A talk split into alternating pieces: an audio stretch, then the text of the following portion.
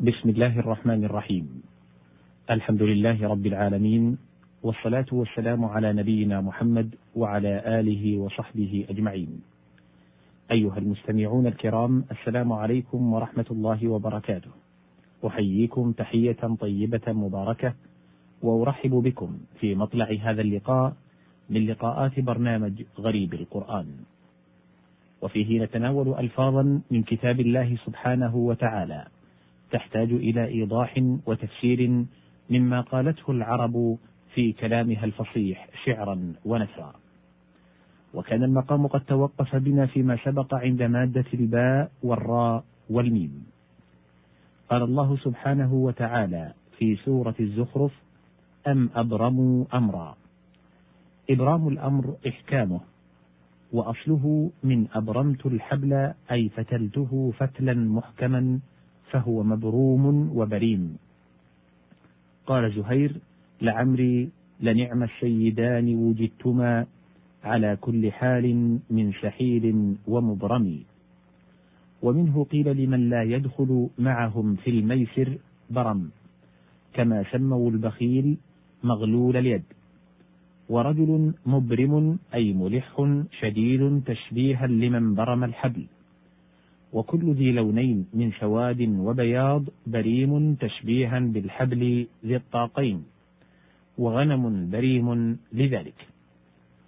الباء والراء والهاء والنون. البرهان هو الدليل القاطع فهو أخص من الدليل الواضح. قال الراغب والبرهان أوكد الأدلة وهو ما يقتضي الصدق ابدا لا محالة. وهو رباعي الأصل.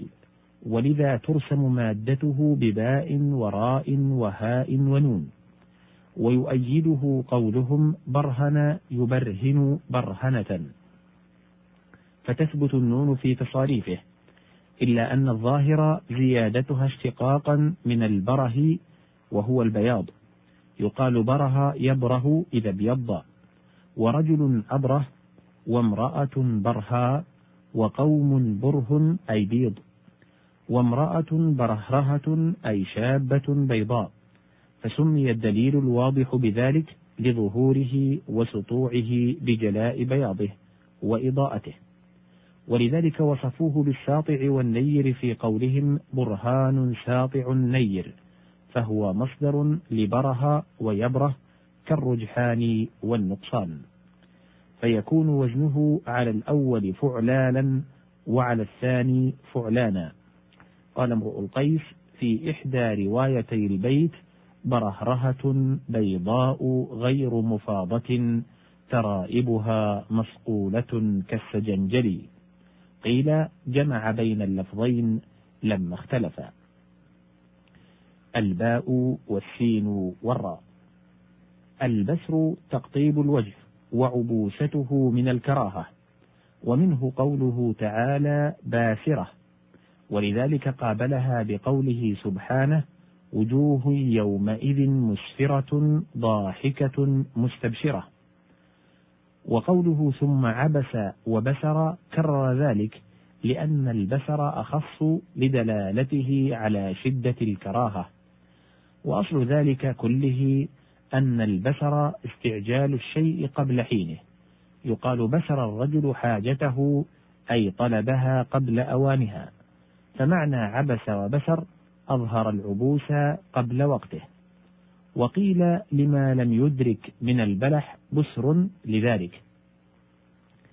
الباء والسين والطاء. البسط الاتساع في الشيء. ومنه بسط الرزق. والبساط المفترش من ذلك لاتساعه وهو فعال بمعنى مفعول. قال تعالى جعل لكم الأرض بساطا.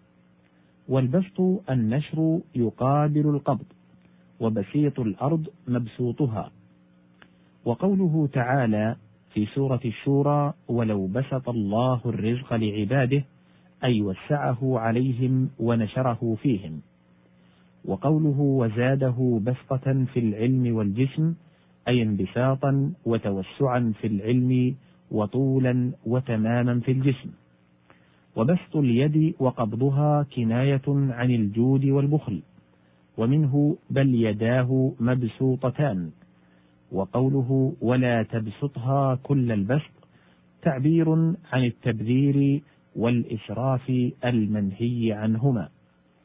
وقد يراد ببسط اليد الصولة والضرب والأذى ومنه والملائكة باسطوا أيديهم ويبسطوا إليكم أيديهم وألسنتهم بالسوء. الباء والسين والقاف. البسوق الطول. وقوله تعالى في سورة قاف والنخل باسقات أي طوال. وبسق فلان الناس أي طالهم وزاد عليهم في الفضل وحسن الذكر. وفي حديث محمد بن الحنفية قلت لأبي كيف بسق أبو بكر أصحاب محمد صلى الله عليه وسلم؟ أي كيف ساقهم؟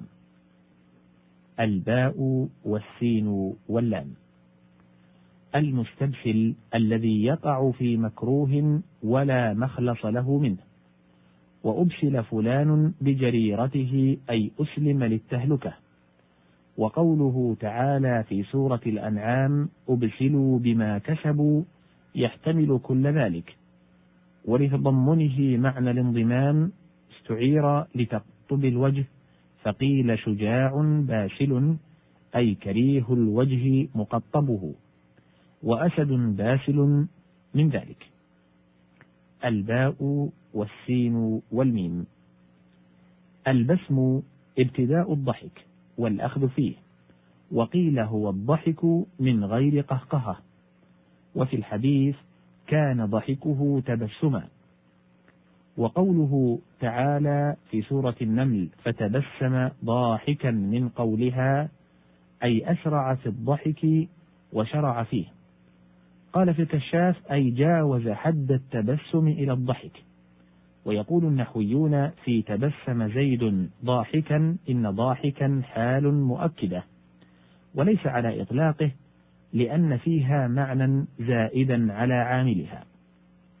وكان ضحك سليمان عليه السلام فرحا بفضل الله لما ترتب على ذلك من منافع الدنيا والآخرة لأنها معجزة يؤمن بها كل من عرفها.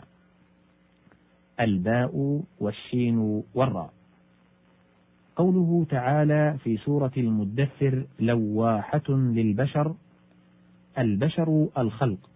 سموا بشرا اعتبارا بظهور جلدهم عن الشعر والصوف والوبر بخلاف الحيوانات فإنها مستترة بما ذكر. وذلك أن البشرة ظاهر الجلد. والأدمة باطنه وجمعها بشر وأبشار. ولما أراد الكفار الغض من الأنبياء عليهم الصلاة والسلام اعتبروا ذلك فقالوا أبشرا منا واحدا نتبعه. أنؤمن لبشرين ما أنتم إلا بشر. وقوله تعالى قل إنما أنا بشر مثلكم تنبيه أن الناس يتساوون في البشرية ولكن يتفاضلون في المعارف الجليلة. ولقد أعقبه بقوله يوحى إلي يعني أنا وإن شاركتكم في البشرية إلا أن الله تعالى خصني من بينكم بهذا الإيحاء تنبيها بما ميز به عليهم.